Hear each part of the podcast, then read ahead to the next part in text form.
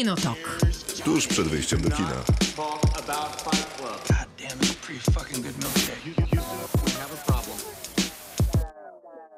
Dobry wieczór, Krzysztof Majewski. I to koniec. Dla tych, którzy słuchają tego programu co tydzień albo słuchają podcastu, to mają świadomość tego, że z reguły jest troje prowadzących. Miłosława Bożek, Maciej Stasierski i ja.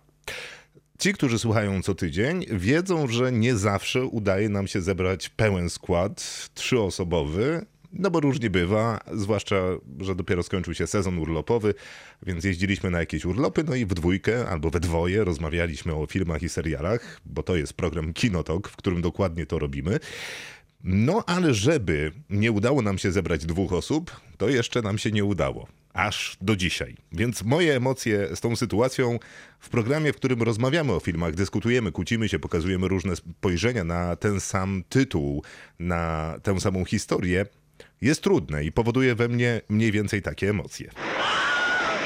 Ta. Dosyć przerażające. Zwłaszcza, że miał być to i będzie specjalny Halloweenowy odcinek. Taki, który ma straszyć, taki, który ma mówić o horrorach, o grozie, o przerażeniu. I plany się nie zmieniły. Dokładnie tak będzie. Na początek z wami w ramach w robocie, później będą recenzje, a później to jest też nietypowe dla tego programu, ponieważ będą goście. Zaraz wszystko wytłumaczę, ale zacznę od tego krzyku, który przed momentem się rozległ. To nie jest krzyk z filmu Krzyk. Bo to jest najsłynniejszy krzyk w historii filmu. Nazywa się krzykiem Wilhelma, czy też Willem Scream.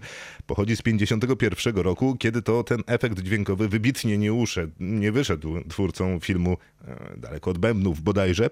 W każdym razie był tak bardzo nieudany, że zrobił fenomenalną karierę, ponieważ filmowcy jako żart umieszczali go bardzo często w najróżniejszych filmach i to jest naprawdę słynny krzyk, ponieważ występował i w Indianie Jonesie, i w Gwiezdnych Wojnach, i w wielu, wielu, wielu, wielu, wielu i tak dalej, wielu filmach. Prawdopodobnie w tysiącach. Nie ma słynniejszego krzyku. Filmowcy robią z tego taki żart, chowając go gdzieś pod y, wieloma warstwami innych dźwięków. No i tylko prawdziwi koneserzy tego dźwięku są w stanie go usłyszeć. Gwarantuję, że każdy dźwiękowiec go doskonale zna i myśli sobie, a gdzie by go tu umieścić? W 2011 roku po raz pierwszy w Polsce zabrzmiał krzyk Wilhelma. Było to w filmie 1920 Bitwa Warszawska. To co? No to tak, faktycznie zaczniemy od w robocie. W robocie poświęciliśmy może najpierw słowa o tym, czym jest w robocie, bo jest to cykl, który pojawia się w piątki na naszych mediach społecznościowych. To Kinotok Podcast. Tam można spojrzeć w piątek, ponieważ prawdopodobnie w piątek, najdalej w sobotę, już jak bardzo się spóźnimy, to w niedzielę, będzie czekał post. W tym poście pytamy o jakiś motyw filmowy lub serialowy. Czyli na przykład najbardziej straszne filmy lub seriale, te, które zapadły wam w pamięć. Mogą być to tytuły filmów, mogą być to sceny z filmów, być może tylko fragment jakoś zrobił na was wrażenie. Pytamy absolutnie o wszystko w tych cyklach w robocie. Z reguły łączy się to z premierą tygodnia, tym największym filmem albo najistotniejszym naszym zdaniem, który recenzujemy. Jako, że dzisiaj o horrorach rozmawiamy, no to siłą rzeczy pytaliśmy Was też o horrory. No więc te głosy pojawiają się później w tej audycji, a następnie w podcaście, a my dokładamy swoje najważniejsze albo takie filmy czy seriale, na które po prostu warto zwrócić uwagę z jakiegoś powodu. W tym wypadku z uwagi na to, że będą wyjątkowo przerażające. Ważne są osobiste doświadczenia, którymi dzielicie się znakomicie. Erudycją też naprawdę grzeszycie w naszych mediach społecznościowych. Jeżeli chcielibyście dopisać jeszcze horrory, filmy lub seriale, które naprawdę was przeraziły, bo byliście młodzi, bo byliście za wcześnie na, za młodzi na ten film, bo obejrzeliście go za wcześnie, albo po prostu, bo jest nienormalnie przerażający, bo to już jest niepoważne, wręcz chore, co dzieje się na tym ekranie. To Messenger, Radia RAM i Kinotoku jest oczywiście jak zawsze do waszej dyspozycji. Jak już skończymy z, z w robocie, to się weźmiemy za recenzję Ostatniej Wieczerzy. I to było tak czas temu jakiś, bo to już chyba dwa lata, bo pandemia nam trochę chronologię zepsuła tych ostatnich lat. Bartoszem Kowalski zrobił w lesie dziś nie zaśnie nikt dla Netflixa. No i to był kawał filmu. W tym sensie kawał filmu, że nikt nie robi horroru w Polsce od lat, bo chyba ostatni to Wilczyca, taki pełnoprawny horror. No i czekaliśmy, czekaliśmy i dostaliśmy to w lesie dziś nie zaśnie nikt i okazało się, że to jest fajne. Że co prawda takie slashery to robiono w Stanach Zjednoczonych ze 30 lat temu, ale jak to się zrobiło po polsku i jednak współcześnie, chociaż na modłę taką raczej nieco archaiczną, to była to super zabawa. Chociaż slasher w ogóle teraz, jak jest zrobiony, to też jest raczej dosyć archaiczny. No i teraz Bartosz. Kowalski znowu, bez żadnej zapowiedzi, zupełnie bez słowa, że się będzie to wydarzać, umieszcza na Netflixie, chociaż pewnie ktoś inny, a nie on go umieszczał, film Ostatnia Wieczerza. No i tutaj będziemy mieli Piotra Żur, e, Żurowskiego, który w roli milicjanta zajmie się infiltracją zakonu. O bardzo rygorystycznej regule. Nikt tam nie może wejść, a zresztą jak niektórzy wejdą, to już nigdy nie wyjdą. Będzie o, o egzorcyzmach, więc będzie fajnie. I to będzie pierwsza recenzja, pasująca jak ulał na dzisiejszy wieczór. Druga, oczywiście też halloweenowa, to recenzja Barbarzyńców. Film po angielsku nazywa się Barbarian, a mówię, że tak się nazywa po angielsku, ponieważ długo funkcjonował tylko w tym tytule, bo bardzo długo ten film nie chciał trafić na polski streaming. No i czytaliśmy amerykańskie teksty, recenzje, czy też brytyjskie, że on już jest na Netflixie, że ludzie oglądają, a jak obejrzą, to są w ogóle zachwyceni, że to jest najlepszy horror albo roku, albo dekady, albo w ogóle najlepszy horror, jaki powstał. No, że świetna rzecz, absolutnie nie do przegapienia. I strasznie było to irytujące, bo tak rozmawiałem z Miłką i ona mówiła, że miała wrażenie, że te czasy już minęły, że czytamy o czymś, że jest za granicą, a u nas nie ma i że trzeba czekać. No i faktycznie było to dosyć absurdalne doświadczenie, na szczęście już jest. Na Disney Plus znajdziecie Barbarzyńców, Barbarian.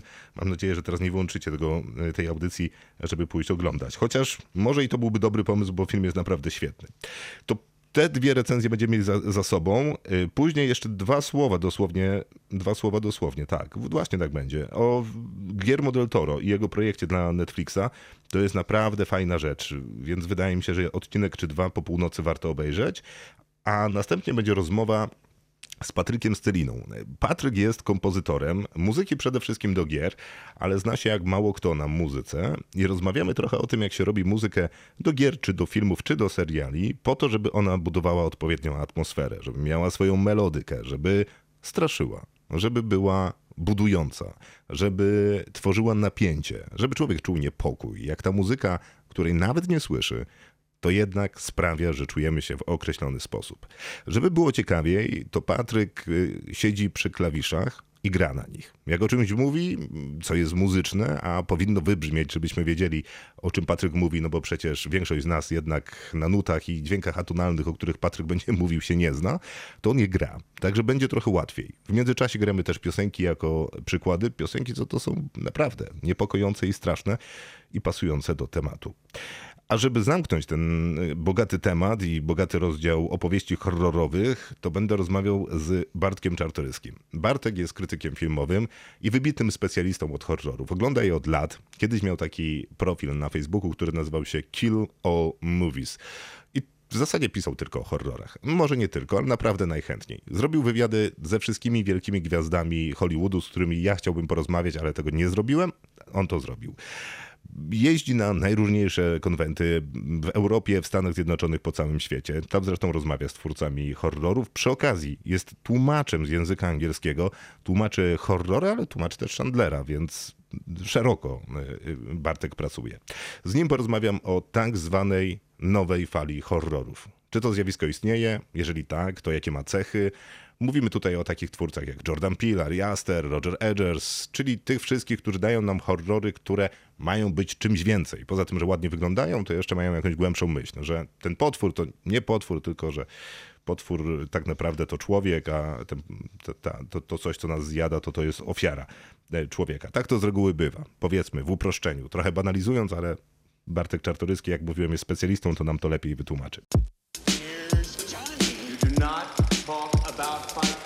Kinotok. Film.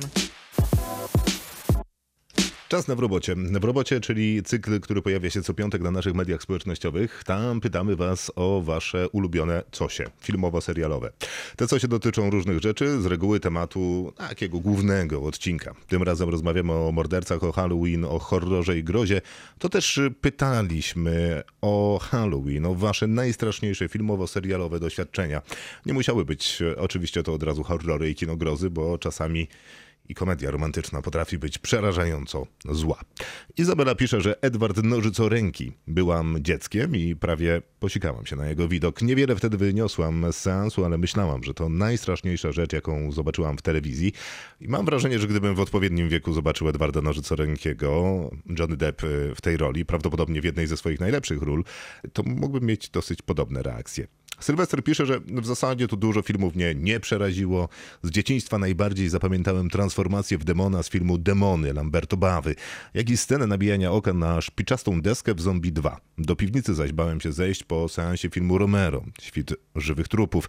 Tak mocno na mnie wtedy zadziałał. Poza tym sekwencja otwierająca hotel Siedmiu Bram e, Fulciego, która do dzisiaj świetnie wygląda. Odpowiednio upiorna i obrzydliwa. Filmem, który najbardziej mnie wtedy przeraził i do którego od tego czasu nie wracałem, głównie ze względu na dostępność, nigdzie nie mogę go znaleźć, jest Kobieta Wisielec. Hiszpańsko-włoski horror gotycki. Ostatnim filmem, który mnie przestraszył i to stosunkowo niedawno, był rosyjski Baba Jaga Koszmar Ciemnego Lasu. Dana pisze tak. Jeśli się siedzi pod kocem i mówi zaklęcie ja już nie chcę, to znaczy, że ten horror jest naprawdę straszny. Paranormal Activity, część pierwsza, obejrzane 100 lat temu. I to jest ciekawy przykład, o którym będziemy rozmawiać trochę z Bartkiem Czartoryskim w kontekście nowej fali horrorów, czy też neo-horrorze, czy post-horrorze, bo to jest produkcja Blumhouse Production. To jest ciekawe studio, ponieważ oni mają taki profil biznesowy, że robią filmy tanio. Paranormal Activity to już w ogóle było wybitnie tanie. Ale może nie aż tak tanio, powiedzmy, że za 250 tysięcy dolarów, 300, pół miliona, milion, tylko że robią tych filmów dużo. I jeżeli jeden na pięć im się uda, to oni są zadowoleni. Paranormal Activity, jak wszyscy wiemy, udało się znakomicie i stało się maszynką do robienia pieniędzy, ale jest więcej przykładów, które Blumhouse'owi się udało, chociażby Niewidzialny Człowiek Liwonela, który swojego czasu recenzowaliśmy w tym podcaście do, odsłucha- do odsłuchania do, i odszukania na Spotify'u. Kawał udanego filmu, który naprawdę zrobił im robotę, ale w międzyczasie tak zwanym jest naprawdę zatrzęsienie filmów Blumhouse'a, które nigdy nawet nie dotarły do polskiej dystrybucji ani streamingu, bo te też nie ma żadnej potrzeby, żeby je oglądać. Y, Poza tym Dana pisze jeszcze, że innym wyznacznikiem są niekontrolowane krzyki w kinie. I tak było na Hereditary. I akurat tam wydaje mi się niekontrolowane wystawienie głowy przez okno jest najbardziej przerażające, ale każdy ma coś innego. E, A Dana dodaje jeszcze, że coś za mną chodzi. Ten ostatni tytuł to mój numer jeden w rankingu straszydeł. Klimat, pomysł, gra aktorska, to wszystko szacun.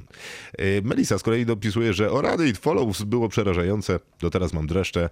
Zresztą z paniami się zgadzam, bo ja też mam dreszcze. Jakub mówi, że tajskie widmo z 2004 roku, w sensie tańskie to jest narodowość i widmo to film. E, Żaden film w moim życiu nie sprawił, że w, noty, w nocy zapalałem każde światło w domu.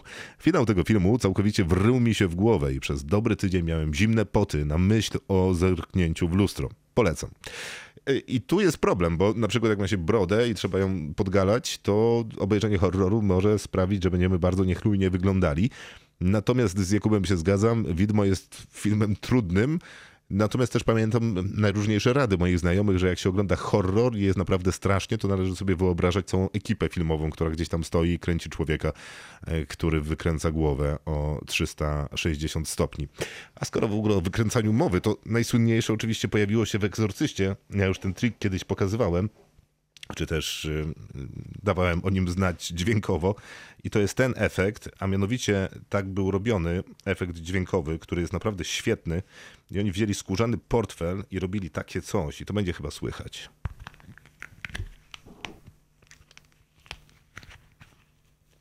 Chyba mam słaby portfel skórzany. W każdym razie brali portfel i skręcali go w dłoniach, tak jak skręca się kark. I ten bardzo niepokojący dźwięk z egzorcycy, który słyszymy w filmie, to właśnie jest, niestety nie wiadomo czy jest portfel, ale kogoś z ekipy.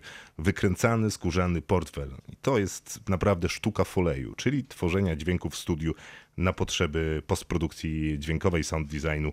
Tam się naprawdę fajne rzeczy robi. E, Łamie marchewki, żeby łamać kości, czy też seler naciowy, no i mnóstwo innych takich bajerów. W radiu mamy nawet tak zwane studio słuchowiskowe. Tutaj mamy parę ścieżek betonową, drewnianą, z ruchomymi i mniej ruchomymi deskami. Po tym się właśnie chodzi i nagrywa. Albo specjalne drzwi, które niezależnie jak się je otworzy lub zamknie, zawsze trzeszczą, jęczą i piszczą. Krzysiek pisze, ja pamiętam wyraźnie z dzieciństwa Candymana z 92 roku i potem podejrzliwie patrzyłem na pszczoły. Z Krzyśkiem się, się oczywiście zgadzam i ja chyba mam bardzo podobne doświadczenie, zresztą będę o nim opowiadał. Tomasz mówi, że moje doświadczenie horrorowe rozdzielam na przed obejrzeniem Lśnienia oraz po obejrzeniu Lśnienia. Ten film dotyka chyba wszystkie moje najczęstsze struny. Jak dotąd nic nie przeraziło mnie równie mocno. Lśnienie faktycznie jest y, filmem szalenie mocnym. E, Moja własna partnerka była w Stanach Zjednoczonych i tak się składa, że akurat była w domu, w którym e, kręcono lśnienie. Lśnienia, zresztą nie widząc, a i tak mówi, że robi wrażenie. Tyle z tego mam, że mam przypinkę do marynarki za lśnienia, więc zawsze coś. Melissa mówi tak, mnie zawsze najbardziej przerażały japońskie horrory, a raczej ich amerykańskie remake'i. Po The Ring mój brat zadzwonił do mnie i przerażającym głosem oznajmił 7 dni. A po The Grudge koleżanka z pracy, po tym jak opowiadalibyśmy sobie o tych najbardziej przerażających horrorach, zakradła się po cichu za mną do toalety w pracy, weszła do sąsiedniej kabiny i zaczęła wydawać odgłosy identyczne z tymi, które wydawała Mara z waszego zdjęcia do odcinka. Myślałam, że zejdę na zawał. Koleżanka bardzo utalentowana wokalnie. Najbardziej jednak przeraził mnie egzorcysta. Na szczęście nikt w rodzinie nie jest akrobatą i scena z filmu, nie pamiętam tytułu, w której umarła ożywiona bohaterka, nastolatka rozwala głowę i tu też nie pamiętam, czy to był ojciec czy matka, celnym rzutem piłką do koszykówki i głowa nieszczęśnika rozbryzguje się jak arbuz. E, Co do tych numerów, które robił brat Melisy lub koleżanka w pracy, to ja myślę, że to powinno być e, karalne. No już naprawdę, zadzwonienie po The Ring do kogoś z informacją o tych siedmiu dniach, z których ten właśnie film zasłynął, no bo tam była taka sytuacja, że jeżeli się obejrzało kasetę wideo z nagraniem właśnie tej strasznej Mary, która wychodzi ze studni, to dzwonił telefon i informował, że w przeciągu siedmiu dni koniec z nami. Nawet gdyby ktoś zadzwonił do mnie, to koniec nastąpiłby jednak znacznie szybciej. Jakby w momencie odebrania tego telefonu, mam wrażenie. Damian, Pierwsze wspomnienie to obejrzany z kanapy na nielegalu fragment czwartej części koszmaru z ulicy Wiązów. Pies oddający ognisty mocz na wysypisku i odradzający się Freddy. Kolejne kamienie milowe to w paszczy szaleństwa, jako całokształt, ale szczególnie scena mijanego na drodze pana na rowerze. Z zupełnie innego powodu przerażał mnie później ostatni dom po lewej. Choć zestarzał się okrutnie, to sam pomysł przerażający. Z epoki VHS jeszcze za dziecka przerażał mnie, ale i rozkochał sobie Guyver i jego przemiana, zwłaszcza w pierwszej części, czyli Mutronis. Mam nadzieję, że to tak się czyta, ale gratuluję Damian, że pamiętasz Guyvera. Ja słabo, aż miał części, to już w ogóle jest dla mnie zagadka. W ciągu ostatnich kilku lat tylko Hereditary na ostatnim seansie, tylko ze mną i kumplem na widowni sprawiło, że modliliśmy się o szybki koniec. No tak, to jest jednak film, który chce się oglądać przy włączonym świetle w towarzystwie wielu ludzi. I Paweł, na koniec. Ja to nigdy nie miałem tak, abym się bał. Co to za jakaś banda twardzieli tutaj w tych komentarzach. Pamiętam tylko dwie sytuacje w życiu. Dead Silence, Silence, czyli Martwa Cisza z 2007 roku. Lalki brzuchomówcy. To nie do końca straszne, jednak potrafią tam bardzo ładnie wyciszyć moment i strzelić chwilą grozy w tym totalnie niespodziewanym. Nawiedzony dom na wzgórzu, serial z 2018 roku. Bardzo podobała mi się koncepcja spojrzenia na całą sytuację z punktu widzenia każdego bohatera i też było kilka momentów, w których również człowiek się nie spodziewał przerażenia. Tylko przy tych dwóch rzeczach pamiętam, że naprawdę podskoczyłem i szybsze bicie było.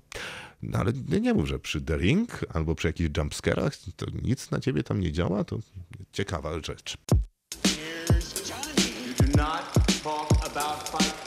Kinotok. Film. No to dorzucam swoje typy do, w robocie do waszych głosów, które znakomite, jak zawsze bardzo dziękujemy. Pewnie część z tych głosów się powtórzy, a to dlatego, że pewnie część z was wychowywała się na podobnych filmach i gdzieś te punkty wspólne się pojawiają. Jeden punkt wspólny dla tych, którzy oglądali filmy na początku lat 2000 to jest oczywiście Ring. Zarówno ta japońska wersja, jak i ta remakeowana przez Amerykanów.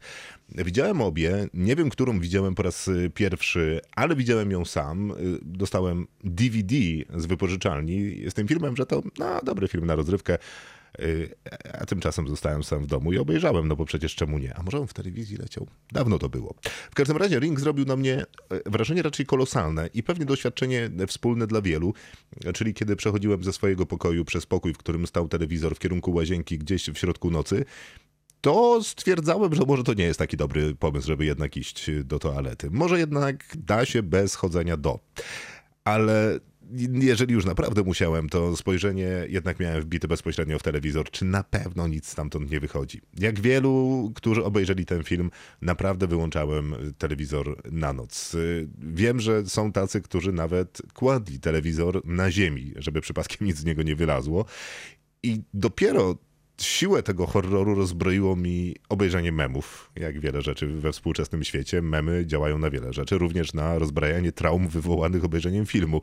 A wyglądało to tak, że płaskie telewizory po prostu stawiano twarzą do siebie, bardzo blisko siebie, tak że ta dziewczynka z ringu po prostu wychodziła z telewizora i wchodziła w drugi, tak się ją zapętlało. Albo się wystawiało telewizor na parapet, także wychodziła i wypadała przez okno. Brutalne rozwiązania, no ale cóż, trzeba sobie radzić z traumami. Innym filmem, który zapadł mi w pamięć, a który był takim kultowym horrorem też początku lat 2000 był film Cube. I wydaje mi się, że może nieco mm, zapomniany, bo to jednak y, dosyć stary film, który miał swoje kolejne części, bo był Cube, Cube 2, Cube 0 e, i to były no, pierwszy to w ogóle był z 97 roku, dopiero ten drugi i trzeci były z początku lat 2000 i ten drugi, a już zwłaszcza ten Zero był zupełnie niepotrzebny, ale Cube był jednak y, pierwszym z tych filmów, które ja przynajmniej obejrzałem, ale podejrzewam, że sporo osób miało podobnie, y, które pokazywały tę pułapkę. Dzień dobry, jesteśmy w pułapce, nie wiemy co to jest, ale teraz nazwalibyśmy to escape roomem. Ten escape room jest wyjątkowo dziwny, chociaż widziałem takie escape roomy, które są oparte na Cubie. A dziwny jest dlatego, że składa się właśnie z sześcianów i z kolejnego sześcianu do kolejnego sześcianu trzeba przechodzić. Nie dlatego, że się chce, tylko dlatego, że nie ma się specjalnego wyboru, bo w tym, w którym jesteśmy, za moment coś nas zabije. Sześcian składa się z takich mm, ze ścian, które składają się z kwadratów. Trzy kwadraty na wysokość, trzy kwadraty na szerokość i w tym jednym środkowym kwadracie można otworzyć drzwi i przejść dalej. Trzeba otworzyć drzwi i to szybko, albo potną nas jakieś stalowe linki, albo stanie się coś jeszcze innego, strasznego i przerażającego. Zapamiętałem ten film jako świetnie nakręcony, jasny, wyraźny i naprawdę robiący kolosalne wrażenie. Obejrzałem dzisiaj jakieś fragmenty w internecie, jak to wyglądało te lat temu 25 i muszę powiedzieć, że wcale nie, nie wyglądało tak, jak zapamiętałem, ale wygląda naprawdę świetnie. No całość oczywiście nakręcona w studiu, ale podobało mi się, że jest tam dużo postaci, które no każda z nich ma jakąś inną umiejętność. Jest taki, który potrafi przetrwać i na przykład mówi, to mi zapadło w pamięć o wyciąganiu, wyrywaniu guzika ze swojej koszuli i ssaniu go po to, żeby pobudzić ślinianki, po to, żeby dłużej e, się nawadniać i nie utracić jakby e, sił z uwagi na brak wody. Nie mam zielonego pojęcia, czy to jest e, prawda, czy to faktycznie tak działa, no ale pamiętam, że była taka scena, jakby ktoś mnie w Cubie zamknął, to na pewno będę robił tak samo. Cube, jeżeli jest gdzieś do znalezienia, to zdecydowanie polecałbym zajrzeć, bo teraz będzie już pewnie dosyć zabawowo, ale myślę, że to będzie nadal udana zabawa w stylu slashera. Escape Room slash slasher. Właśnie sprawdziłem, Cube jest dostępny w polskim streamingu, więc spokojnie można oglądać. Inna propozycja to jest Piła. Ja wiem, że Piła jest demonizowana przez to, że było tych części 7 co najmniej, i że ostatnie są raczej trudne do oglądania i jest to masakrowanie ludzi na najróżniejsze, bardzo wymyślne, a czasami nie tak znowu bardzo wymyślne sposoby. Z reguły oni mają sobie to sami zrobić, no i to był cały pomysł piły na siebie. Ty sobie zrobisz tę dużą krzywdę po to, żeby się uwolnić. To też escape room, tylko w tym pokoju trzeba coś zostawić, kawałek siebie najczęściej, żeby móc go opuścić. Tylko, że pierwsza piła, mimo że była bardzo prostym konceptem, no to nie była super zbrutalizowana. Tam w zasadzie przemocy jest tyle o ile. To jest y, thriller na dwie osoby, które rozmawiają ze sobą i starają się przepchnąć granicę tego, która z nich ma umrzeć, żeby opuścić y, bardzo dziwaczny, ale też pokój, który wydaje mi się stał się taką popkulturową ikoną tego, jak wygląda pokój z horroru. No bo te białe płytki e, i ta brudna wanna zapadnie mi w pamięć na długo, no ale to jest kontynuacja jednak tego, co Cube sobie wymyślił w 97 roku, czyli pomysł escape To jest pokój, który musimy opuścić, warunki są takie a owakie.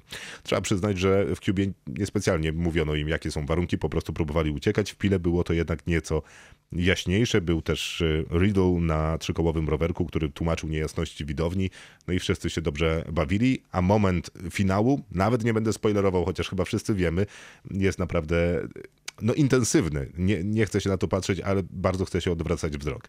Co zabawne, wydaje mi się, że Igrzyska Śmierci i wszystkie Więzień Labiryntu, czy Naznaczona, bodajże tak się nazywała ta seria z Shane Woodley, no to są też escape roomy, tylko że młodzieżowe, z miłością y, w tle, no ale jednak te Igrzyska Śmierci pełne pułapek, z których wszyscy chcą uciec, to jest jakaś forma horroru i escape roomu, ale to pewnie też nic odkrywczego, bo powiedziano to tysiąc razy. Candyman, wspomniany już y, przez was, to jest z kolei film, który odcisnął na mnie dosyć duże piętno. Ja go długo bardzo nie widziałem. Natomiast bardzo dobrze się z tym filmem poznałem, ponieważ moje rodzeństwo, które serdecznie pozdrawiam, a w zasadzie kuzynostwo i brat, tłumaczyli mi wielokrotnie, że jeżeli powiem pięć razy do lustra Candyman, i tak jest właśnie w filmie, to przyjdzie wielki demon z hakiem i mnie na ten hak nabije. Taki będzie mój koniec żywota. No więc ja się dosyć przeraźliwie bałem y, koncepcji tego, że coś po mnie przyjdzie i nabije mnie na hak, bo byłem dosyć młody i dosyć podatny na tego rodzaju sugestie. No więc miałem problem y, z niemówieniem Candyman do lustra, bo to trzeba było do lustra mówić. No bo to jest trochę tak, jak tłumaczył na to w Incepcji.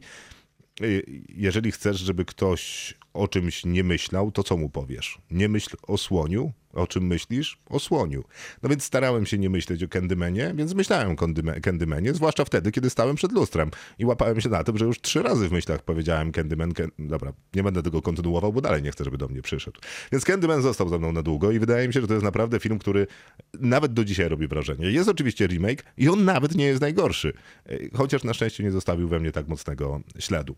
Filmy, które uwielbiałem, e, slashery generalnie sprawiają mi dużą przyjemność, bo zawsze jest to samo, co czasami bywa e, pewną przyjemnością. To samo w tym sensie, że mamy te archetypiczne postaci, czyli mamy tego twardziela Joka w kurtce amerykańskiego zespołu, czy też no, high schoolowego zespołu koszykówki, futbolu amerykańskiego czy baseballu. Jest ta cheerleaderka, jest ta Scream Queen, jest ta Last Girl, która przeżyje wszystkich, jest geek. Wszystko jasne, kto jest kim i co zrobi jaki będzie efekt. No tylko, że zanim dojdziemy z punktu A do B, B to finał filmu i koniec, no to dziać się mogą różne rzeczy, mniej lub bardziej angażujące. Czasami były naprawdę szalenie angażujące, inteligentnie wymyślone, fajnie pomyślane, czasami z twistem takim ironicznym i świadomością gatunku, a czasami było to oszukać przeznaczenie.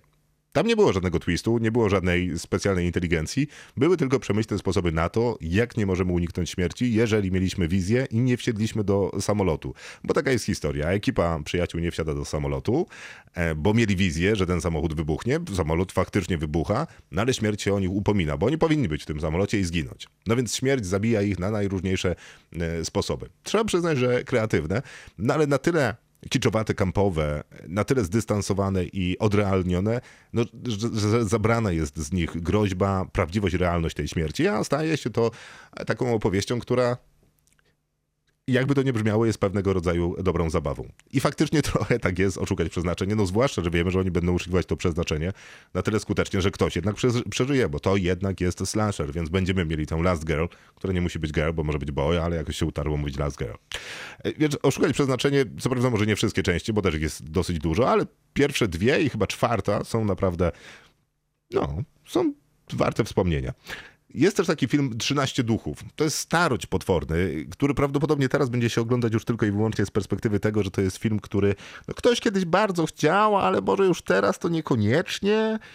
Ale jak się oglądało go w odpowiednim wieku, w odpowiednim czasie, kiedy efekty specjalne w filmie 13 duchów robiły wrażenie i te duchy i upiory wyglądały na tyle realnie, że budziły przerażenie, a nie wyglądały jak słaby efekt specjalny, to robiły robotę. A to z kolei też jest slasher, tylko że tym razem duchy nas zabijają na najróżniejsze sposoby i te duchy trzeba wywołać. Oni w zasadzie wywołali trochę przez przypadek, a później odwiedzają kolejne miejsca, w którym są kolejne duchy. I jakby ten production values, czyli to, jak zostały stworzone te duchy i w jakich przestrzeniach, było dosyć kreatywne. I ta kreatywność wydaje mi się właśnie tym plusem, tym czymś, co jest małą przewagą nad innymi e, slasherami, bardzo do siebie przecież podobnymi.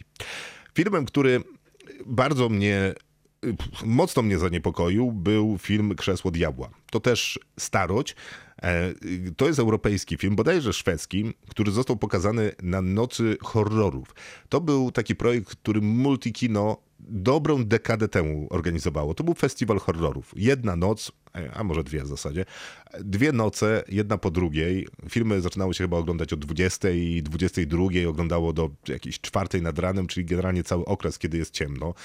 Ten przegląd miał nawet swoją nagrodę, taką podłużną statuetkę zakończoną czaszką owiniętą taśmą filmową. Naprawdę skojarzenie było raczej jednoznaczne, natomiast nagroda była, były filmy i to były filmy, które nie pojawiały się w polskiej dystrybucji, tylko były ściągane specjalnie na ten festiwal. Był tam selekcjoner, który jest mi niestety nieznany. Gdyby ktoś znał, to proszę wskazać, pochwalam.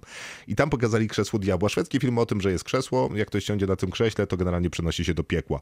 Te wizje piekielne naprawdę robiły dramatyczne wręcz wrażenie. Bardzo intensywny, bardzo głośny film. Teraz takich jest raczej sporo. Mam wrażenie, że jest już pewne zmęczenie takim rozwrzeszczanym horrorem. No ale wtedy, wtedy to robiło naprawdę kolosalne wrażenie. Inny, taki typowy gotycki e, horror, który z kolei straszył ciszą, niepokojem, raczej straszył tym, czego nie ma w kamerze, niż tym, co pojawia się w niej, co wyskakuje na nas w kadr, czyli tak zwane słynne jumpscary, był film Inni z Nicole Kidman. Zresztą ze znakomitą rolą Nicole Kidman, która w takim wielkim opuszczonym domu mieszka z dzieckiem i ono co jakiś czas informuje, że no są też inni i ci inni są dosyć niepokojący. Zabójcze ciało z Megan Fox to już jest y, taka halloweenowa rozgrywka, rozrywka czysta. Megan Fox gra tu sukuba czy inkuba, w każdym razie takiego demona, który najpierw uwodzi swoje ofiary, a później je zjada. Bardzo klasyczny y, slasher z Megan Fox prosto po Transformersach. I na koniec egzorcyzmy Emily Rose, y, które też zapadły mi w pamięć z paru powodów. Po pierwsze jest to przerażający film i to naprawdę jest egzorcysta, a później są egzorcyzmy Emily Rose. I to są dwa najbardziej przerażające filmy o egzorcyzmach, jakie kiedykolwiek powstały, kropka. Nie ma tutaj dyskusji. E, a być może dlatego egzorcyzmy Emily Rose, że tak bardzo zapadły mi w pamięć, ponieważ tam jest taka scena, która mówi, że godzina szatana to jest godzina trzecia, ponieważ Chrystus zmarł na krzyżu o 15 w dzień, więc y, godziną diabła jest odwrotność i to jest godzina trzecia w nocy. I tam główna bohaterka Emily Rose budzi się o trzeciej i wtedy czuje zapach spalenizny, zapach demona i wtedy dostaje tej napaści, e, którą trzeba egzorcyzmować. Kiedyś wróciłem do domu o trzeciej w nocy i poczułem zapach spalenizny. Popatrzyłem na zegarek, na zegarku była trzecia 00. Zapach spalenizny. Puls 250. Z kuchni wychodzi mój brat i mówi, że spalił grzanki. Naprawdę niesympatyczna sytuacja, ale zapamiętająca w pamięć. Ring, Q, Piła, Candyman, Oszukać Przeznaczenie, 13 Duchów, Krzesło Diabła, Inni Zabójcze Ciała, Egzorcyzmy Emily Rose. To mój zestaw. Jak chcę się trochę bać, to oglądam.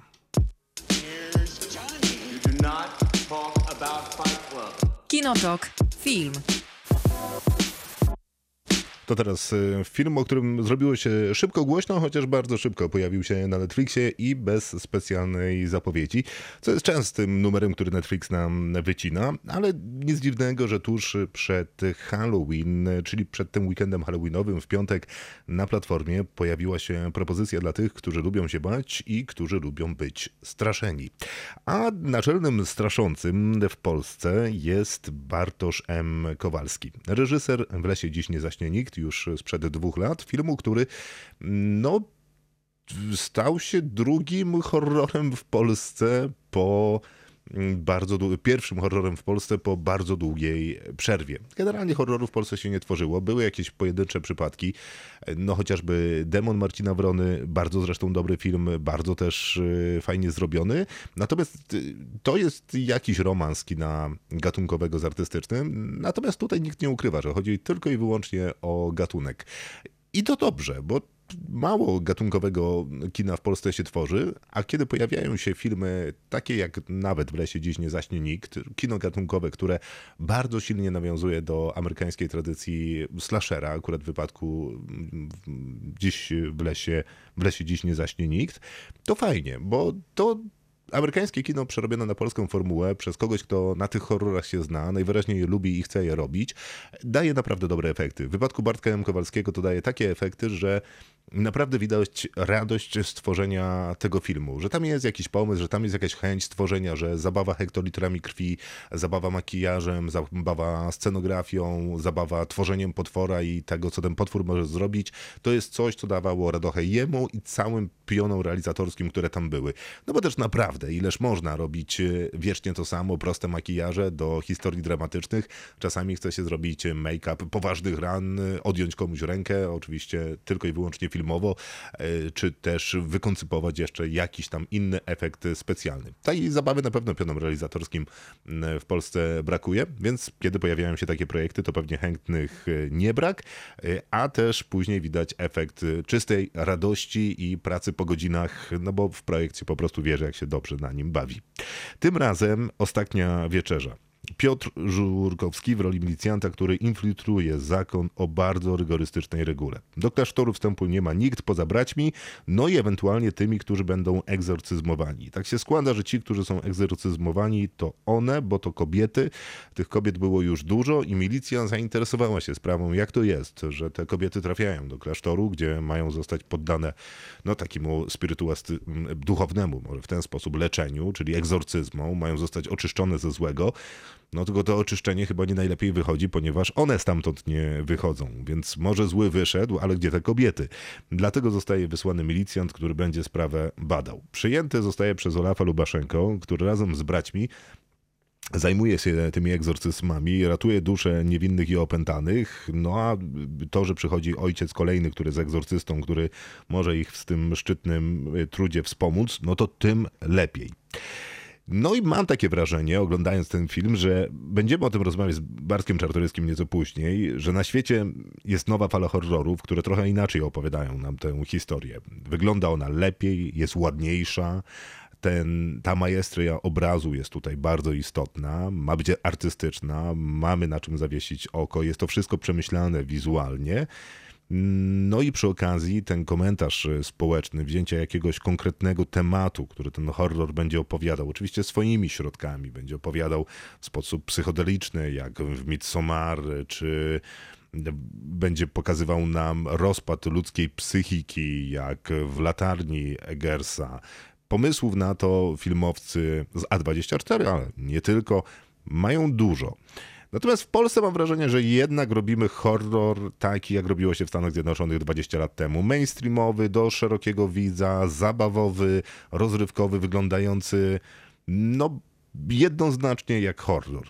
I jakże mnie to cieszy. Naprawdę. Ostatnia wieczerza wygląda jak horror od samego początku do samego końca. Wszystko jest tam wymyślone, żeby straszyło, wyglądało mrocznie, jest mnóstwo mgły, jest mnóstwo dymu, jest klaustrofobicznie, ten klasztor jest ciasny, nie za bardzo jest tam miejsce, brakuje oddechu, jest brudno, jak jedzą, to jedzą jakieś absolutne obrzydlistwo z odrapanych stalowych misek. To wszystko tworzy odpowiedni klimat rozpadu, zgnilizny, czyli dokładnie taki, jak w horrorze być powinien. Jeżeli chodzi o wizualia, Yeah. To naprawdę temu filmowi trudno coś zarzucić. Jeżeli chodzi o to, jak jest grany, to trudno mu cokolwiek zarzucić. W końcu jest tu Olaf Lubaszenko w dużej roli, więc on sobie naprawdę świetnie radzi jako przeor. Nie ma naprawdę z nim żadnego problemu, zwłaszcza, że to jest przeor, który oczywiście ma sekret. Chowa pewną historię. Raz, że o sobie, a dwa, że no jeszcze drugą większą historię. Chowa ją przed milicjantem, o którym niby nie wie, że jest milicjantem, no ale widzimy od samego początku, że on mu nie ufa, że on jest twardo obsesowy, nie tylko dlatego, że reguła klasztoru taka jest, że jak masz łóżko i e, świeczkę, e, żadnego prądu, żadnej elektroniki, no to oczywiście no to już jest dosyć męczące, ale on mu też nie pozwala na nic więcej. Nie pozwala mu rozpoznać tego klasztoru, ani w zasadzie go badać, co oczywiście nasz główny bohater i tak robi, no ale jednak pod czujnym okiem przeora.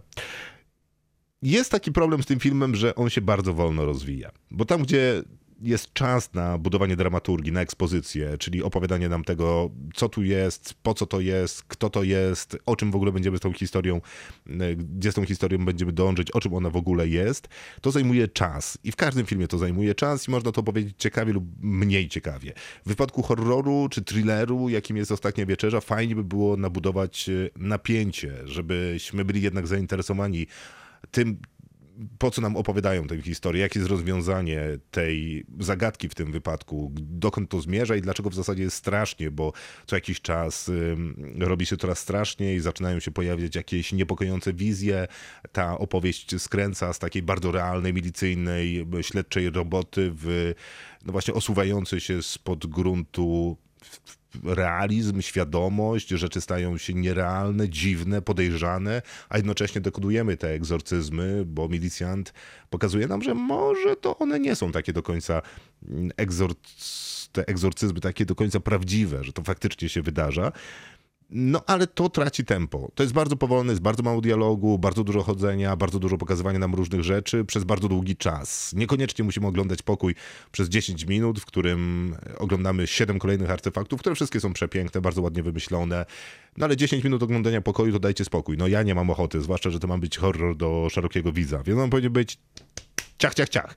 No ale ktoś powie, że on po to jest taki wolny, żeby się nabudował nam ten trzeci akt, żeby w trzecim akcie, jak się zacznie dziać, to będzie się dziać, bo jesteśmy już, no właśnie, napięci tymi dwoma poprzednimi. No tylko, że tego napięcia brakuje. Ja faktycznie byłem znudzony, więc cieszyłem się tym trzecim aktem. Jeżeli ktoś odnajdzie napięcie w tych dwóch pierwszych, to ten trzeci naprawdę bardzo dobrze działa, bo z reguły bolączką horrorów jest nie budowanie napięcia, bo to wychodzi z reguły całkiem nieźle. Problemem jest to, po co to napięcie było budowane. Ta zagadka, odpowiedź na pytanie albo finalna rozwałka, która też się przecież często zdarza, no bywa bardzo umiarkowanie satysfakcjonująca, albo jest taka a, aha, o, super no jakby oczekiwaliśmy więcej. Nie po to ten film jest taki ładny, nie po to tak dobrze wygląda, nie po to tak się świetnie opowiada, żebyśmy w finale dostali takie e, really? No, no jakby fajnie było, gdyby było więcej. Ten film nie ma tego problemu. Ostatnia wieczera, źle, wieczerza nudno się wręcz nabudowuje. Niespecjalnie mnie obchodzi, jaki jest finał, a kompletnie A. Zaskakuje mnie finał, B. Jest naprawdę fajnie zrealizowany. Ogląda się to dobrze. Kowalski sobie przypomina, że auto, którym jedzie, ma wyższe biegi wrzuca je bardzo chętnie, a później, jakby chcieli za szybcy i wściekli, włącza nitro. Jest naprawdę super.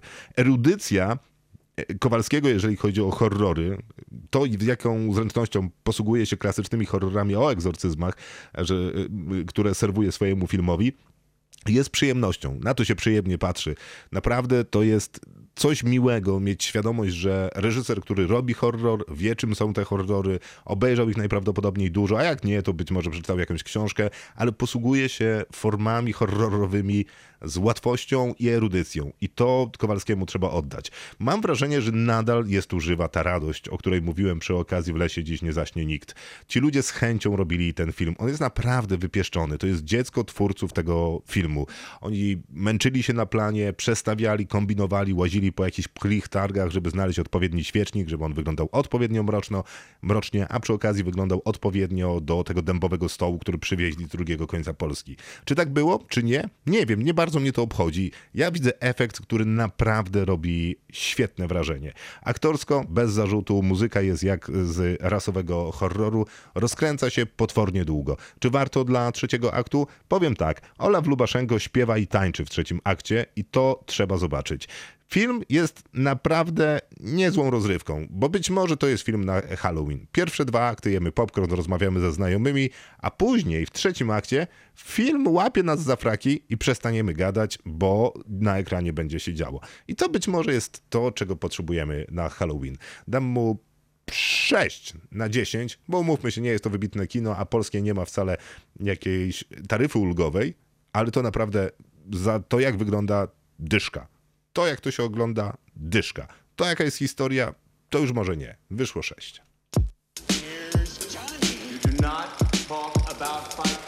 Kinotok. Film. No to teraz kolejny film, film, o którym długo mówiliśmy w tym podcaście. Oczekiwaliśmy na niego dosyć długo, bo się nie pojawiał w polskim streamingu, a już Zachód się nim cieszył, mówiąc, że to najwybitniejsze, co się trafiło, akurat jeżeli chodzi o horrory w ostatnich latach. Chociaż w ostatnich latach, to jeżeli chodzi o wybitne horrory, to często mówiono o tym, że ten jest najlepszy, ten jest najlepszy albo tamten. I tam był właśnie Aria, Aster Jordan, Pillow Roger, Edgers i wielu, wielu innych. Niektórzy mówią tak nawet o piątym krzyku. Tym razem Barbarzyńcy a dokładnie Barbarian, tak się po angielsku nazywa ten film. Barbarzyńcy, czyli opowieść o Tess. To Georgina Campbell w tej roli przyjeżdża do Detroit, wyniszczonego, opuszczonego i kompletnie zapomnianego, czyli Detroit po kryzysie. Ma pracować jako researcherka dla znanej dokumentalistki, autorki filmów dokumentalnych, która chce zrobić film o skłotujących grupach artystycznych, które po kryzysie przyjechały do podupadłego miasta. No i tak się składa, że Tess następnego dnia ma mieć rozmowę o pracę. Przyjeżdża do wynajętego przez siebie domu w czasie burzy, deszczu na przedmieścia Detroit. Przez szalenie popularny portal do krótkoterminowego wynajmu e, wynajmuje ten e, dom, przyjeżdża na miejsce w strugach deszczu, nie może otworzyć skrytki na klucze. No i w sumie każdy mój pobyt się tak zaczyna, jak wynajmuję gdzieś mieszkanie albo dom. I pewnie wielu z Was też, bo te skrytki są stworzone po to, żeby nie dało się ich otworzyć. Umówmy się. No ale w końcu dobija się do drzwi, które otwiera Keith. W tej roli Bill Skarsgård. On zarezerwował ten sam dom, jak się okazuje, tyle że w innej aplikacji no jest problem, bo oboje są uprawnieni do mieszkania tutaj, ponieważ oboje zapłacili, oboje wynajęli, oboje mają potwierdzenie na mailach, oboje powinni tu mieszkać. Z tą różnicą, że Keith był pierwszy, a Tess przyjechała nieco później. Mm, No i dobra, teraz tak. Reżyseruje Zach Krager, jak się okazuje kumpel Jordana Pila. To jest autor Get Out, Us, czy ostatnio Nope, który chyba jeszcze gdzieś może w kinach byłby do zobaczenia. Mm, Który ponoć konsultował się z Pilem, mm, jeżeli chodzi o ten film. Pil pewnie widział układkę z tego, co mówią, jedną z ostatnich układek. No i to może nawet widać w filmie, jak ktoś by się chciał uprzeć, że tu są takie rzeczy, które dla Jordana Pila w jego historiach byłyby ważne. Ale ważniejsze jest y, jednak to, z jakiego punktu wyjścia wychodzi Krieger. A była to książka Gavina de Bakera, The Gift of Fear. To książka, która zachęca, żeby w niepewnych kontaktach z podejrzanymi mężczyznami kobiety ufały swojej intuicji i nie ignorowały niepokojących znaków, czerwonych flag i pozostawały w efekcie bezpieczne. Po prostu, nie wiem, wychodziły, wzywały pomocy, nie zostawały sama na sam z tym mężczyzną, który intuicyjnie coś im mówi, że jest y, podejrzany. No i dobra połowa Barbariana oparta jest na tym koncepcie. Dynamika Tess i Kifa jest pełna tak niepokojących znaków i sugestii zaczerpniętych z różnych horrorowych myków, trików, że mam ochotę wyjść, uciekaj. Bo on wydaje się, jakby wszystko z nim jest w porządku, bo mówi, że słuchaj, rozumiem twoją sytuację, ona jest niepokojąca, nie powinienem tu być, ty mm, powinnaś być tu sama, yy, oddam ci sypialnię, możesz w niej spać, wypiorę nawet dla ciebie pościel, mam tu butelkę wina, którą najwyraźniej gospodarz przygotował dla gości, możemy ją wypić razem, zrobię ci kubek herbaty, jesteś przemoczona. Tylko wszystko to, co i jak gra Bill Skarsgård i co mówi, sprawia wrażenie, że no jest to ostatnia osoba, której chciałoby się za- zaufać, wypić od niej kubek e, herbaty. Zresztą Tess ma pewne podejrzenie, bo nie widzi, jak on robi jej ten pierwszy kubek herbaty, a więc go na wszelki wypadek nie wypija, bo nie wiadomo, co w nim jest. No więc ona też czuje ten niepokój, który my czujemy, że coś jest nie tak z e, postacią Billa Skarsgarda. E, Zwłaszcza, że pojawiają się właśnie te sprytne rozwiązania z gatunku, jakim jest horror, które często się pojawiają. Kamera jest y, umiejscowiona y, na plecach y, głównej bohaterki, która powiedzmy rozpakowuje torbę. No i ona się odwraca, ra razem z główną bohaterką odwraca się kamera i patrzy prosto w Billa Skarsgarda i wtedy jest pociągnięcie smyczkiem po strunach skrzypiec, no i mamy tak zwany jumpscare. I on mówi, o nie, przepraszam, przyniosłem ci tylko ręczniki. No i w ten sposób film z nami pogrywa. Pogrywa z, nami, z naszymi oczekiwaniami, które, których mamy mnóstwo, ponieważ tych horrorów ileś tam widzieliśmy. Jak widzieliśmy pięć, to widzieliśmy może nie wszystkie, ale rozumiemy, jakie są zasady gry. No więc ten film też rozumie te zasady gry, ale za każdym razem, kiedy może je złamać, to je łamie. Do pewnego momentu. A tym momentem jest y, chwila, w której Tess nabiera pewnych podejrzeń i niepokoju, że być może coś faktycznie jest na rzeczy z tym domem, e, albo z tym y, Kifem, czyli Billem Skarsgardem. A mianowicie idą spać, on oddaje jej sypialnię, a on śpi na kanapie. Ona idzie spać, wchodzi do pokoju, zamyka drzwi, a następnie, to są takie drzwi z taką okrągłą klamką, więc wciska zamek. Drzwi są zamknięte, z drugiej strony nie można otworzyć, dopóki się nie wyciśnie zamka. Proste, idzie spać. Coś ją budzi w środku nocy. Patrzy na drzwi, drzwi są otwarte. Pamięta przecież, że zamknęła je na zamek. Wstaje więc kompletnie spanikowana i przerażona, zwłaszcza, że słyszy jęki, różnego rodzaju odgłosy. Patrzy na Kifa, Kif śpi na kanapie, Kif wydaje dziwne dźwięki. Budzi go, pyta, czy otworzyłeś moje drzwi? Kif mówi nie, wraca do spania, idzie na rozmowę o pracę. Happy endu nie będzie, bo wraca jednak y, na te przedmieścia. Okazuje się, że dom, w którym, y, który wynajęła, jest jedynym normalnie wyglądającym domem. W sensie, który jest jeszcze trzymający się kupy, reszta jest zrujnowana, opuszczona, wygląda tragicznie. No i teraz okazuje się, że ten dom, jak każdy dobry dom w horrorze, ma piwnicę. I wszyscy powiecie, o nie, ona tam zejdzie. No, zejdzie, to prawda. Ale trzeba powiedzieć, że y, reżyser daje jej całkiem dobry powód, żeby tam zeszła. Nie schodzi tam tylko dlatego, że że po prostu chcę zobaczyć, co tam jest. Schodzi, bo musi. Zresztą szybko wychodzi. Ale eksploracja tej piwnicy będzie kluczem dla tego filmu, który będzie wprowadzał nowe postacie, o których niestety już mówić nie będę, ponieważ to będzie spoiler. Ale powiem, że to da- całkiem nieźle dynamizuje tę historię. Bo ta gra, którą uprawiają sobie Georgina Campbell i Bill Skarsgård, m, którzy jeden wynajął Airbnb, drugi wynajął z jakiejś tam innej aplikacji, oboje są e, teraz w tym samym domu, mają problem, jest dyskusja o tym, czy zostać, czy nie zostać, co zrobić z tą sytuacją. Ten człowiek jest niepokojący, gramy tym horrorem, żeby udowodnić nam to, jak jest niepokojący. Z drugiej strony robi wszystkie e, rzeczy w odpowiedni sposób. Nie, nie w odpowiedni sposób. Robi wszystkie właściwe rzeczy. Oddaje jej sypialnię, proponuje her herbatę, zachowuje się jak normalny facet. Tyle, że jego zachowanie jest dziwne, budzące niepokój. To są te czerwone flagi, o których pewnie e, reżyser czytał e, w książce The Gift of Fear, że te red flags, intuicja mówiła jej, że coś tu jest nie tak. Tylko być może e, ta intuicja mówiła, że coś jest nie tak w tej nie w tej sytuacji, ale w tym domu. Bo w tym domu faktycznie jest coś nie tak. To, co dzieje się w piwnicy, e, to już jest inny film. Bo jeżeli na górze jest taki, taka Gone Girl, e, czyli film Davida Finchera z Rosamund Pike, to na dole jest y, raczej świt żywych trupów, albo no powiedzmy, że Romer, albo może Sam Raimi, albo może jeszcze ktoś, kto lubi horrory i dziwne, dziwne rzeczy, które dzieją się w piwnicach. Mm, I tutaj pojawia się jakiś, jakiś taki społeczny komentarz na temat tego, że y, kobiety w pewnych sytuacjach będą musi, musiały unikać niebezpieczeństw wynikających z relacji z dziwnymi mężczyznami, ale także efektem e, tego, co dzieje się w piwnicy, mogą być właśnie decy- szalone decyzje e, kompletnie mm, oszalałych e, mężczyzn. Wydaje mi się, że rozwój tego, co dzieje się w piwnicy, ma odpowiednią dawkę niepokoju, przerażenia, zapalającej się i gasnącej latarki, obrzydliwości, obrzydliwych pomysłów, odkryć, które stawiają włosy na karku.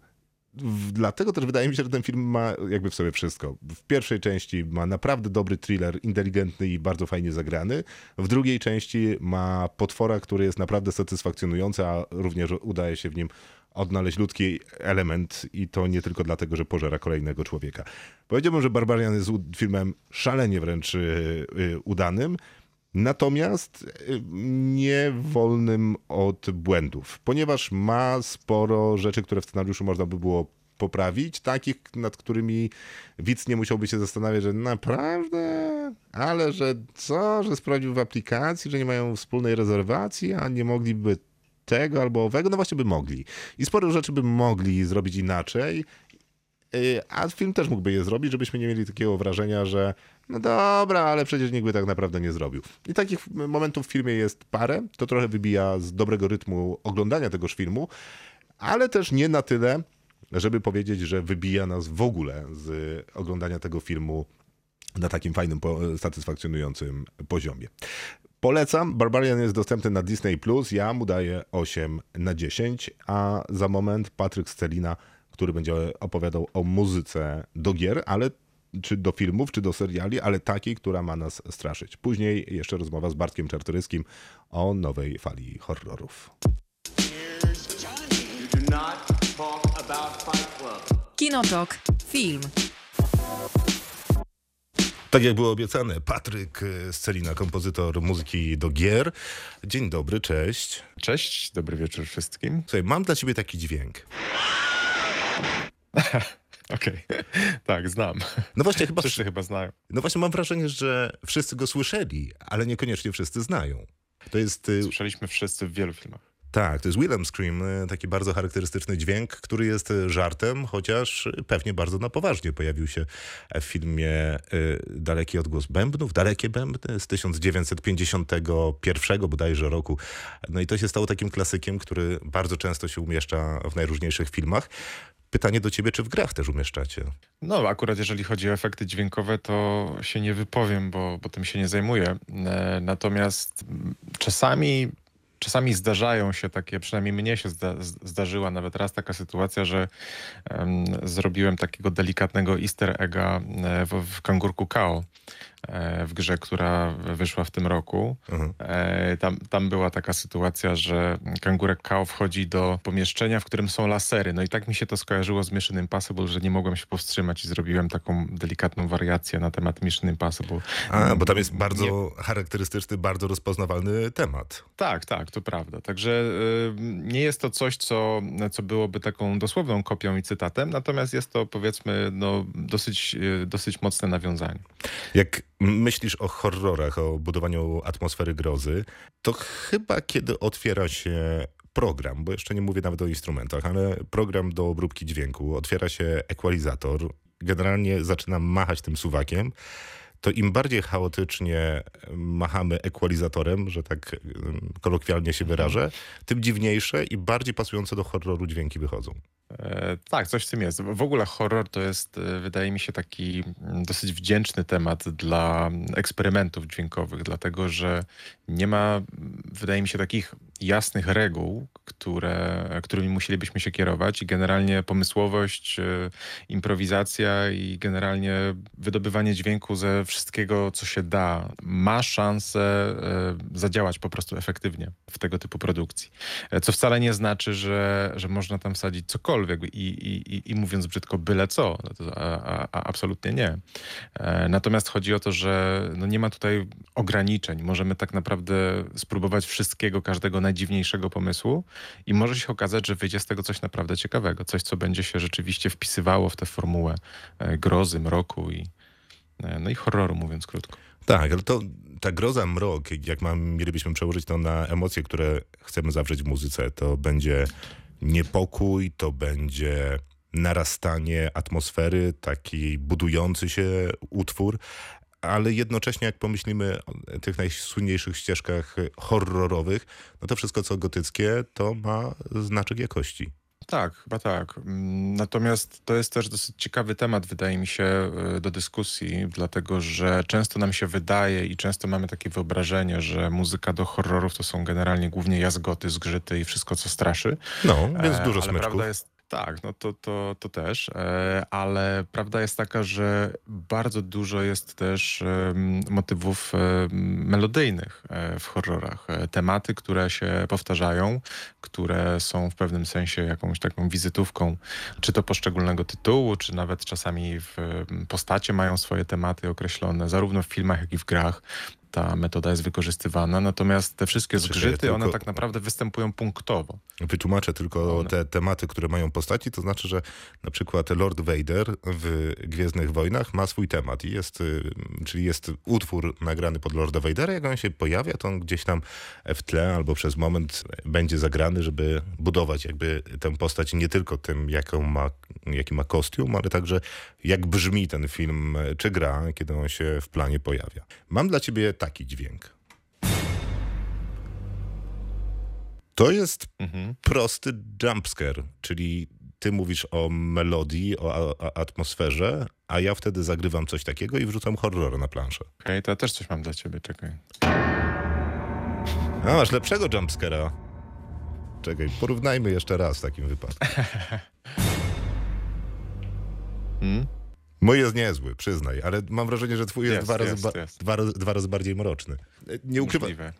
nie, nie, ukrywam i też y, jest to prawdą, że Patryk jest w swoim własnym studiu i siedzi przy klawiszach. Masz takie wrażenie, że klawisze to jest coś, co bardzo dobrze buduje atmosferę w horrorze? Myślę, że to zależy też od stylistyki, Mhm. e, dlatego że jeżeli mówimy o takich powiedzmy klasycznych e, horrorach, gdzie się wykorzystywało często fortepian i tego typu zagrania, jak na przykład coś takiego i załóżmy. e, No, to tego jest bardzo dobre. Te, tego typu dźwięki, e, to tak, jak najbardziej. Wiesz, tak Natomiast, mogliśmy e, zacząć mo- naszą współcześnie- rozmowę. Tak, to, to, to powinien być twój temat. Zanim, za każdym razem, jak zaczynasz zdanie, to powinieneś Dobrze, to jak zaczynam zdanie, to będę robił... Okej. Nie no, naprawdę, teraz może wyjść potwór, no może nie potwór, to bardziej wyszedłby jednak duch e, z szafy albo gdzieś wyłonił się z podłogi. E, Łatwo się chyba buduje atmosferę grozy, nie? Bo mówiliśmy o tym, że trzeba pociągnąć mm, smyczkiem po strunach i wtedy mamy ten efekt wyrwania z fotela, ale o wiele e, tym drugim problemem jest stworzenie tej takiej nabudowującej się atmosfery, atmosfery grozy. No nie wiem, ty chyba cztery klawisze wciskasz i ja już wiem, gdzie jestem. E, No wiesz, jeżeli mówimy o stricte o klawiszach, to bardzo często jest to nawet tak, że wciskasz jeden klawisz. E, Pytanie, co, co za tym klawiszem stoi. Tak? E, Jaki Dlatego, że jaki klawisz? No nie wiem, mogę przykładowo wybrać jakiś dron, który zagram.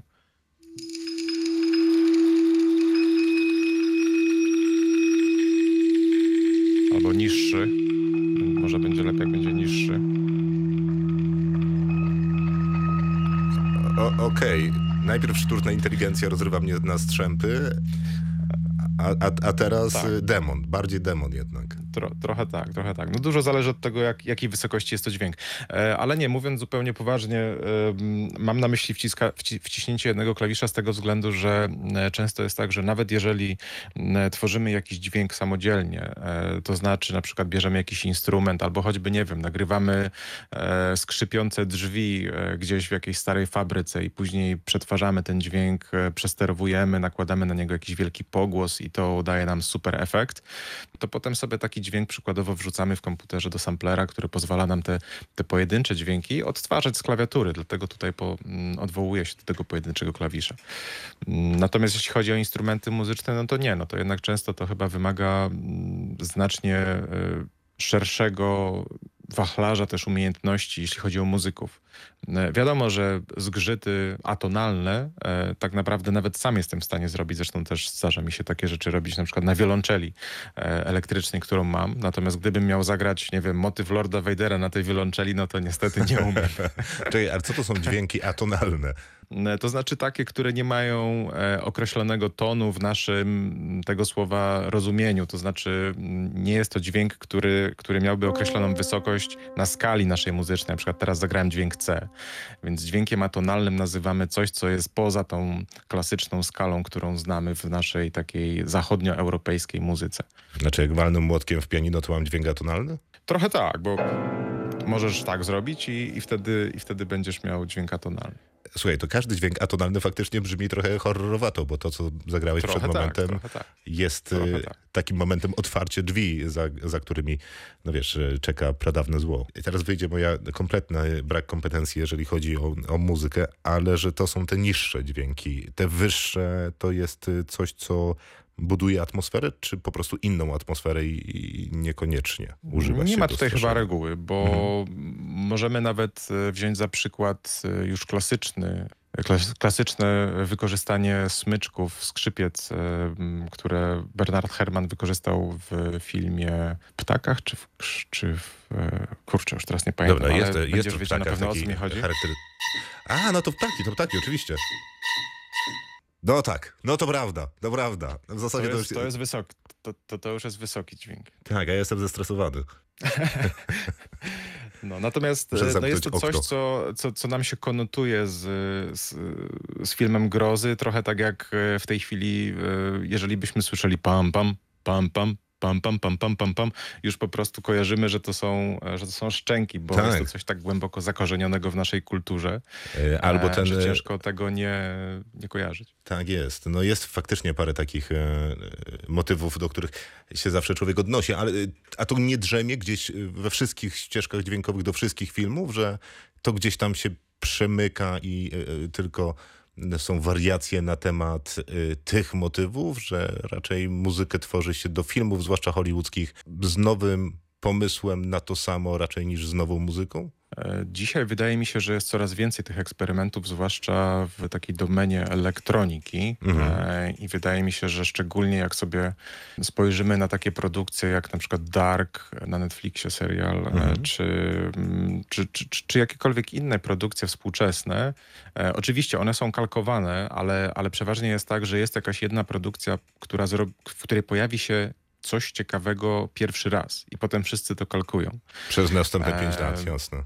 Tak, albo i dłużej, bo to słyszymy dosyć często, nie tylko w filmach, ale też w grach, jeżeli coś wyjdzie. Natomiast tych eksperymentów mam wrażenie, że dzisiaj jest sporo, bo jest takie też duże chyba parcie na to, żeby wymyślić koło jeszcze raz, żeby zrobić coś oryginalnego, coś, czego nie zrobił jeszcze nikt dotąd. Natomiast jak spojrzymy na takie filmy klasyczne bardziej, to bardzo często słyszy się właśnie orkiestry w wykonaniu takim e, bardzo atonalnym, która notabene bardzo mocno jest inspirowana muzyką e, Pendereckiego, naszego rodzimego kompozytora. Całe Hollywood w zasadzie można powiedzieć i to bez udawania e, czerpie mm, z Pendereckiego. I zdarza się też, że niektórzy czerpią w, w muzyce do gier z Pendereckiego. Tak było mm, w przypadku na przykład Jasona Gravesa, który zrobił muzykę do całej serii Dead Space. O, to E, akurat on- mamy ten przykład, więc zaraz go zagramy, żeby była jasność. Tak, on właśnie e, wykorzystał e, partytury Pendereckiego, które, mm, o czym zresztą się chwali, to każdy może zobaczyć na YouTubie. Jason Graves na swoim kanale opowiada o tym, jak robił muzykę do Dead Space. Myślę, że dzisiaj tam po 10 czy, czy, czy, czy kilkunastu latach już od premiery tej gry chyba przestał się przejmować tym, że, że zdradza jakieś tajemnice i po prostu zaczął o tym śmiało opowiadać, także to bardzo fajny materiał. I pokazuje zresztą e, te partytury Pendereckiego, z których korzystał, których zresztą nawet nie da się nigdzie kupić. To są partytury, które gdzieś udało mu się znaleźć w jakiejś bibliotece muzycznej w Stanach Zjednoczonych i je po prostu bezczelnie skserował i potem e, wykorzystał to właśnie jako, mm, jako bazę do, do swoich kompozycji. E, W game devie, czyli w branży zajmującej się produkcją gier jest święte prawo, że kradną wszyscy ze wszystkiego, to Dokładnie. co dokładnie. się Jason Graves będzie jakoś specjalnie przejmował. Y, To gramy ten fragment.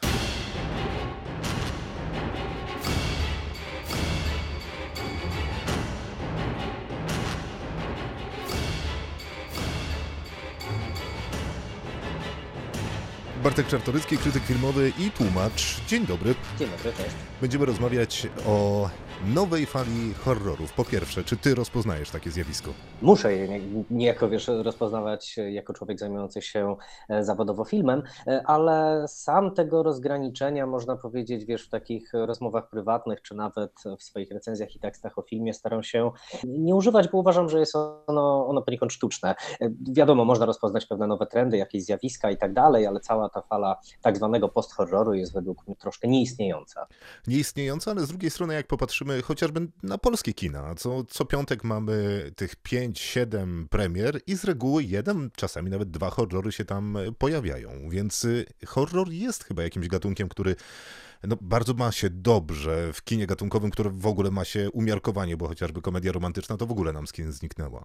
I bardzo dobrze, że te horrory oczywiście się pojawiają, bo jako entuzjasta gatunku doceniam to, nawet jeżeli nie zawsze one są najwyższej jakości. E, Ale szczerze mówiąc, kiedy zacząłeś, e, kiedy zadałeś mi pierwsze pytanie, myślałem, że pytasz o falę, wiesz, e, horrorów spod znaku właśnie tego takiego post-horroru tak zwanego. Ja bardzo nie lubię zresztą tej, tego terminu, ale wiesz, horrory Roberta Eggersa na przykład, czy Ariego Astera. Myślałem, że pytasz o to. Tak, E, dokładnie a- o to pytam, wiesz, bo Aha, okej. wydaje mi się, że to się łączy, bo horrory Mhm. w ogóle pojawiają się co tydzień jeden, dwa, to ci, którzy już tych horrorów się naoglądają, powiedzmy tych takich bardziej masowych, a nie tych jakże zaangażowanych od A24 czy od Blumhouse Production, Mhm. no to siłą rzeczy chętniej po nie sięgną. I faktycznie wspomniałeś o dwóch nazwiskach, ja tych nazwisk mam jeszcze pewnie parę, bo i Jordan Peele, i Ari Aster, i Robert Eggers, y, czy syn Kinga Joe Hill z Czarnym Telefonem.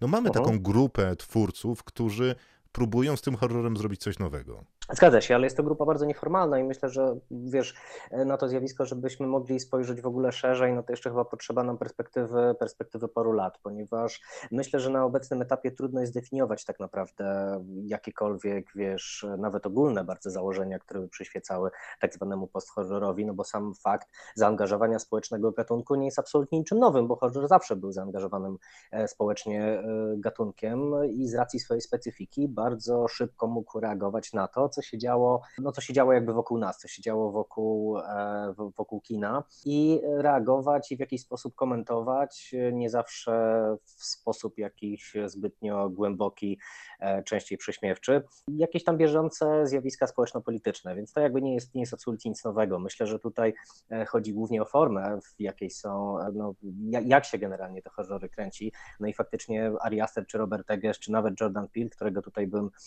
jednak z tej trójki piłki troszkę na boczek wyłączył, bo uważam, że on jest może nie tyle mniej utalentowany, co nie tak zafiksowany na formie jak Eggers czy, czy Aster, to faktycznie są jakby no, wizualne perełki, których forma przedstawienia jest bliższa kinu tak zwanemu artystycznemu niż temu, co kojarzymy z horrorem, czyli gatunkiem no, inherentnie, można powiedzieć, tanim, zarówno w środkach wyrazu, jak i, jak i w formie i, i w estetyce.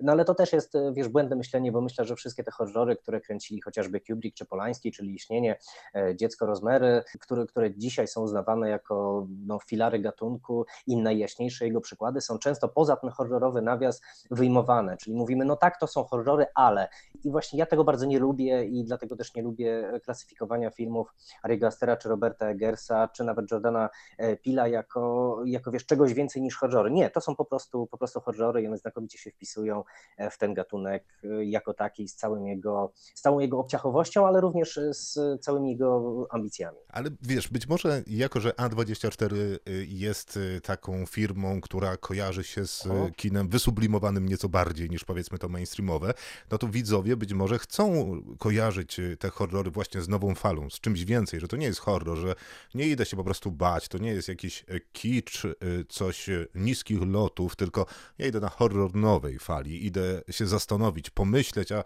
że ktoś mnie przy okazji będzie straszył, to inna sprawa. Być może, jest to pewnie bardziej kwestia tak naprawdę socjologiczna niż krytyczno-filmowa, jeśli chodzi o sam, wiesz, taki odbiór indywidualny i to, co chcemy myśleć o filmach, na które chodzimy, czy chcemy przynależeć właśnie do jakiejś grupy, która ogląda tylko te ambitniejsze horrory, no bo oczywiście nie oszukujmy się, są horrory ambitniejsze, są horrory e, mniej ambitne, są horrory tandetne i horrory e, nietandetne, wysokobudżetowe, niskobudżetowe i tak dalej. No i właśnie mi zawsze zależy na tym, żeby e, jednak na tę grupę patrzeć całościowo i docenić, jak pojemnym, jak szerokim i jak bardzo zróżnicowanym gatunkiem jest, jest horror.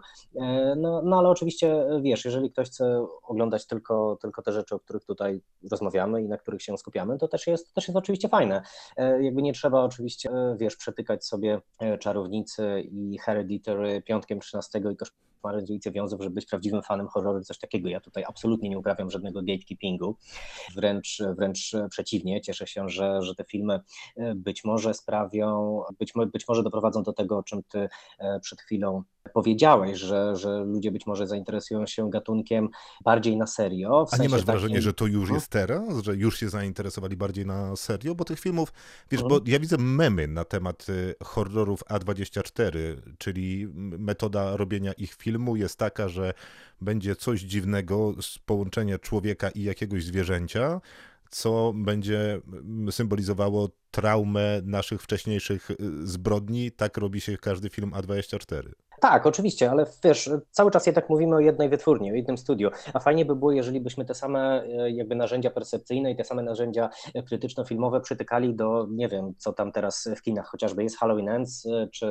czy też Siedlisko Zła bodajże będzie grany, czy jakieś tam egzorcyzmy siostry Anny, bo tam akurat mam na świeżo, ponieważ e, patrzyłem właśnie, co będzie w Halloweenowym okresie grane w kinach i fajnie było, gdybyśmy też do tych filmów podeszli, podeszli wiesz, może, może inaczej niż zwykle, gdybyśmy na nie spojrzeli właśnie przez inną soczewkę, przez inny filtr, przez inny pryzmat, być może nawet podany nam, ten, podany nam właśnie przez studio e, A24, ale, ale wiesz, no nie chciałbym się ograniczać dyskusji o horrorze tylko i wyłącznie do tam paru nazwisk, par, paru tytułów. No to e, w, tak, w takim mhm. wypadku dorzucę jeszcze jedno studio, bo z kolei wydaje mi się, że to jest, są tacy dwaj wyraźni przedstawiciele, dwa wilki, które trochę się nawzajem zjadają, bo mamy Blumhouse Production, którzy zasłynęli tym, że tworzyli niskobudżetowe horrory. Zaczęli od e, Paranormal Activity, okazało się, że to jest znakomita maszynka do zarabiania pieniędzy, ale z drugiej strony jako e, film raczej na poziomie oglądadła niż jakiejś niewiarygodnej, zaangażowanej historii, opowieści o współczesnym świecie. No tak, Blumhouse, Blumhouse generalnie można powiedzieć byłby takim troszkę drugim biegunem porównując do, e, do A23, chociaż to się zaczyna oczywiście zmieniać, ponieważ oni też e, zaczęli produkować filmy z trochę ambitniejszym kluczu, ale jednak nie wykraczające poza te takie sztywne ramy gatunkowe. Jednak Blumhouse jest e, studiem, które trzyma się kurczowo jakichś wypracowanych w danym podgatunku, można powiedzieć w danej, w danej konwencji formuł. No i filmy z Blumhouse to jest takie hit and miss, prawda? Tutaj nigdy, nigdy nie wiesz, co dostaniesz e, one są bardzo nierówne, bo ile A24 to jest trochę taki stempel jakości, że jeżeli idziemy na ten film, e, to możemy się spodziewać, że będzie on, nawet jeżeli nam się nie spodoba, to będzie co, co najmniej ciekawy, interesujący, albo w jakiś sposób, no, albo zrobiony po prostu na najwyższym poziomie. E, Przy Blumhouse nigdy tej pewności nie mamy. Możemy trafić e, chociażby no, na, na to zrebootowane przez Davida Gordona Greena Halloween, który uznaje za film e, bardzo udany, a możemy, możemy trafić na jakąś e, totalną taniochę za 20 zł, że tak powiem, nakręcono. I, i tutaj, tutaj no, nigdy się nie wie, co się dostanie, ponieważ Blumhouse e, po prostu oni produkują bardzo dużo. Ale oni mają I- taką świadomą strategię, Tak, nie? oczywiście, że tak. y, pięć razy nie wstrzelimy, ale w końcu zrobimy no chociażby niewidzialnego się, tak. człowieka Lee Wonella, który przyjął się Mhm. chyba bardzo dobrze. To, to jest właśnie ten model biznesowy, biznesowy, o którym mówisz i on powstał e, właśnie po sukcesie Paranormal Activity, kiedy okazało się, że zamiast robić jeden film, który kosztuje na przykład milion dolarów, lepiej zrobić cztery filmy, które kosztują 250 tysięcy dolarów.